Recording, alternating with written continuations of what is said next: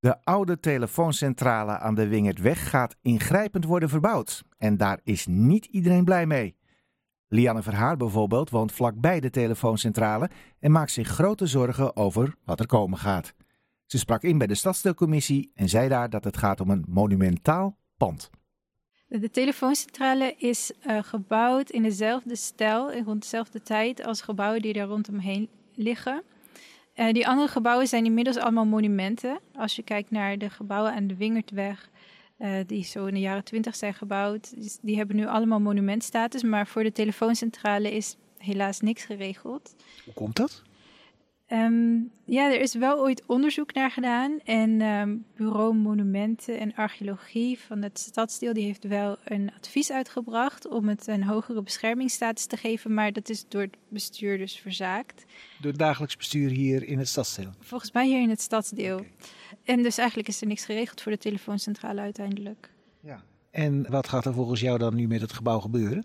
Nou, wat we hebben gehoord, maar niet van de nieuwe eigenaar zelf, maar van de ambtenaren die bij de gemeente werken en van uh, Heemstra die een gesprek heeft gehad met de investeringsmaatschappij die, die het wil gaan verbouwen, is dat ze er een gebouw van willen maken wat vijf verdiepingen hoog is. Dus ook hoger dan omliggende gebouw aan de Mosplein. En een stuk hoger dan, de monument, dan het monument wat ernaast staat. Ze willen een groot gat in de voorgevel maken en een soort van glazen uitbouw, een serre maken, zodat zij ook horeca daarin kunnen zetten. Maar die extra verdiepingen, die zijn natuurlijk niet in dezelfde stijl als de rest eh, van het gebouw dan. Nee, het is gewoon nieuwbouw. En wij weten niet hoe het eruit gaat zien, maar ik vrees het ergste.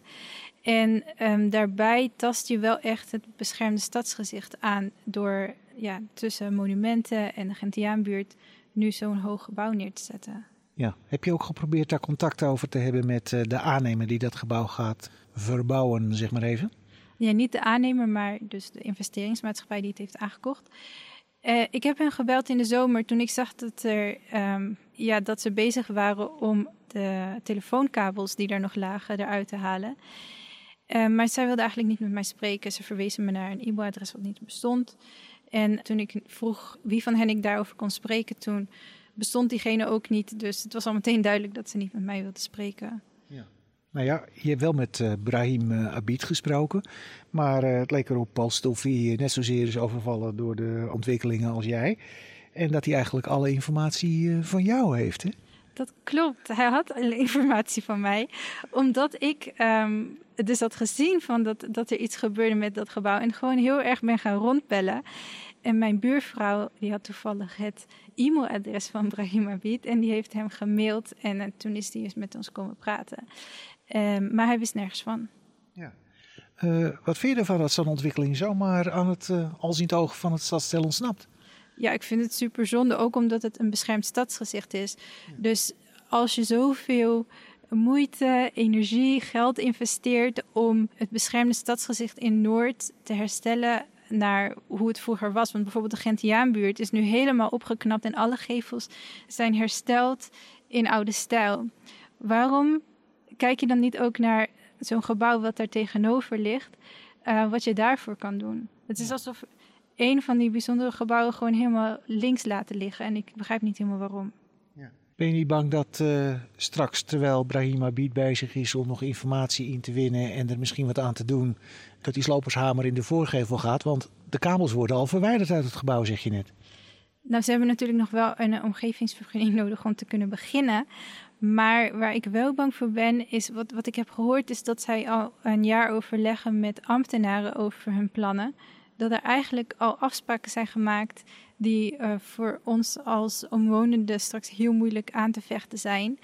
En dat het bestuur misschien ook niet mee zou gaan in onze overtuiging dat hoogbouw, of in ieder geval vijf verdiepingen, misschien iets hoger wat ze willen neerzetten, dat dat daar niet past. Tja, je hebt nu ingesproken.